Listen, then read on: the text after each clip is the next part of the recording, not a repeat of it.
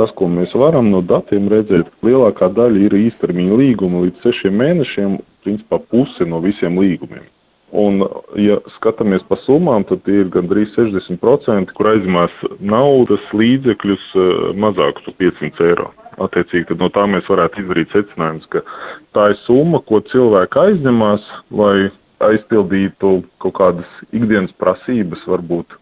Tad mēs varam minēt eh, dažādus piemērus, kas tie var būt, ja katram tās ir dažādas dzīves situācijas. Kur šobrīd jau varētu nojaust to, ka cilvēkiem ir grūti tikt galā ar augošajām cenām?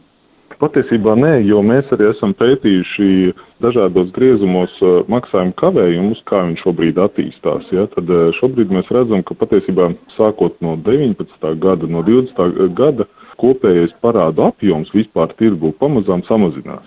Līdz ar to ir labā ziņa tā, ka kopējais parādu skaits, ja mēs sakām tieši parādu skaitu ziņā, viņš paliek ļoti, ļoti, ļoti lēnām mazāks. Bet summas, diemžēl, viņas nesamazinās. Viņas ir aptuveni tādos pašos apjomos kā iepriekš. Pēdējos gados bija tā tendence, ka vispār kreditēšana druskuļi samazinājās. Te noteikti arī ir daudz aspektu, gan Covid, gan citas lietas. Ja mēs redzējām, ka Covid laikā diezgan strauji ne tikai patēriņa kredītus cilvēki neņēma, bet vispār neaizņēmās. Un uh, tikai no 21. gada 1. ceturkšņa tā tendence tā ir mainījusies un uh, sāk cilvēki aizņemties ar vien vairāk, un, un šis gads patiešām ir diezgan strauji izaudzis. Un tas, ko mēs skatījāmies ar patēriņa kreditētājiem, tad mēs skatījāmies jā, šo sadaļu, kas aizņemās. Tad mēs redzam, ka visaktīvākie tirgu ir cilvēku vecuma grupā no 31 līdz 40 gadiem un arī vecāki no 41 līdz 50. Tad, principā, šīs divas vecuma grupas aizņemās vairāk kā 26% un 20%, kas ir gandrīz puse no mm. aktīvajiem, kas aizņemās. Jā. Un, un uh, visvairāk aizņemās tieši mazos kredītus, summa līdz 500 eiro kas ir principā 60% visi aizņēmumi. Tad nākošais ir 16% no 500 līdz 1000 eiro, un tad jau tas eh, procents diezgan strauji sāk sarukt. Ja. Tātad 500 eiro un 1000 eiro būtu tas, ko visvairāk aizņemās. Tas ir interesanti. Ir interesanti paskatīties, kā tos patēriņa kredītus pēc tam atmaksā. Jo vispār patēriņa kredītus eh, kavē 22% gadījumu. Tas ir eh, vismaz vienu vai vairāk dienas mēs redzam patiesībā, ka tas segments, kas ir aizņēmušies patēriņa kredītus, uh, mēs arī sadalām viņus pēc kredīta reitinga. Attiecīgi, tas kredīta reitings prognozē, vai cilvēks spēs izpildīt vai nespēs izpildīt savas saistības nākamo 12 mēnešu laikā. Un tad tieši šajā patēriņa kredīta jomā mēs redzam, ka gandrīz 30% atrodas visriskantākajā zonā. No šī mēs, protams, tālāk varam izdarīt tālāk ejošas secinājumus. Kāpēc viņi tur atrodas? Iespējams, ka viņi ir aizņēmušies tieši tāpēc, ka viņiem ir kaut kādas problēmas un lai risinātu savas problēmas. Te mēs nevaram apgalvot, ka tā tas ir, ja, bet uh, tas varētu būt viens no iemesliem. No šiem maziem aizņēmumiem, 500 eiro, 1000 eiro, ir kaut kādas lietas, kas ir jāatrisina, nepieciešama nauda tagad un tūlīt, un tāpēc uh, personas aizņemās. Līdz ar to tas, kur šie cilvēki aizņemas naudu, tās ir bankas vai tomēr ne banku sektors? Šeit mēs runājam par abiem sektoriem. Viennozīmīgi ir tā, ka banku sektorā aizņemās lielākas summas un uz ilgākiem periodiem. Nebankas sektorā vienmēr ir bijusi tā tendence, ka tas darījuma skaits ir daudzreiz lielāks nekā banku sektorā, bet tās kopējās summas, kas tiek aizdotas, ir mazākas. Attiecīgi, tas viens darījums ir mazāks nebankas sektorā nekā banku sektorā. Tendences, tendences ir tādas, ka tas noteikti ir uzlabojis maksāšanas disciplīnu. Mēs redzam, ka tas,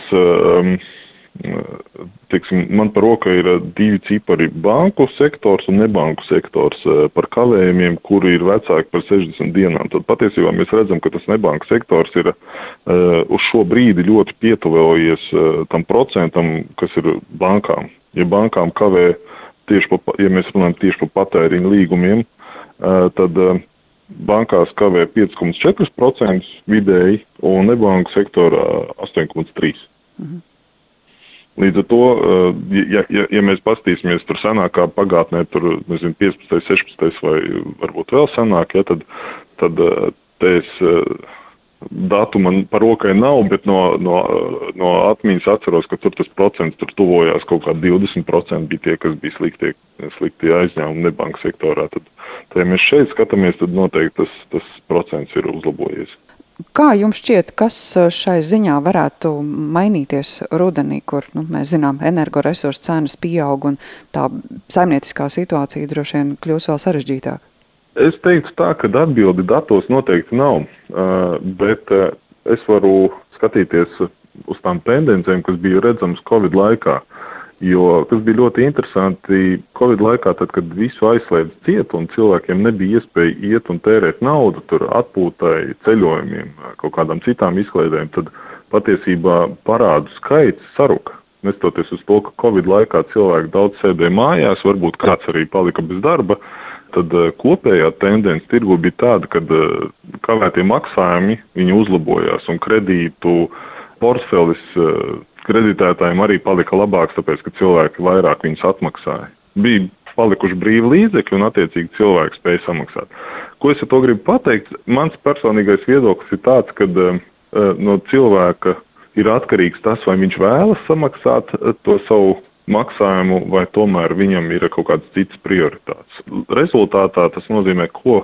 Tas nozīmē, ka vispār nevajadzētu pasliktināties tajā tendencē, nevajadzētu būt uh, situācijai, kad uh, pieaugot maksājumiem par ikdienas lietām, ko mēs uh, lietojam, ja, būs kritiski parādu masas pieaugums. Mans pieņēmums ir tāds, ka tas vidējais svērtais, ja tā, tā vidējā temperatūra paliks eh, bez izmaiņām. Un, ja mums ir pieņemsim 25% eh, jaunieši eh, vecumā līdz 25 gadiem, kas nemaksā šobrīd savus parādus, tad arī ziemā būs tas procents ļoti tuvu. Un, ja 60 gadīgi un vecāki cilvēki šobrīd kavē tikai 4-5% gadiem, tad, tad arī noteikti, ka ziemā būs ļoti līdzīgi. Protams, mēs visi būsim spiesti savilkt jostas, kāds vairāk, kāds mazāk, bet uh, no tā mums nemainās tie paradumi. Ja mēs esam tendēti samaksāt savu kredītu, samaksāt savu rēķinu, tad noteikti mēs arī to darīsim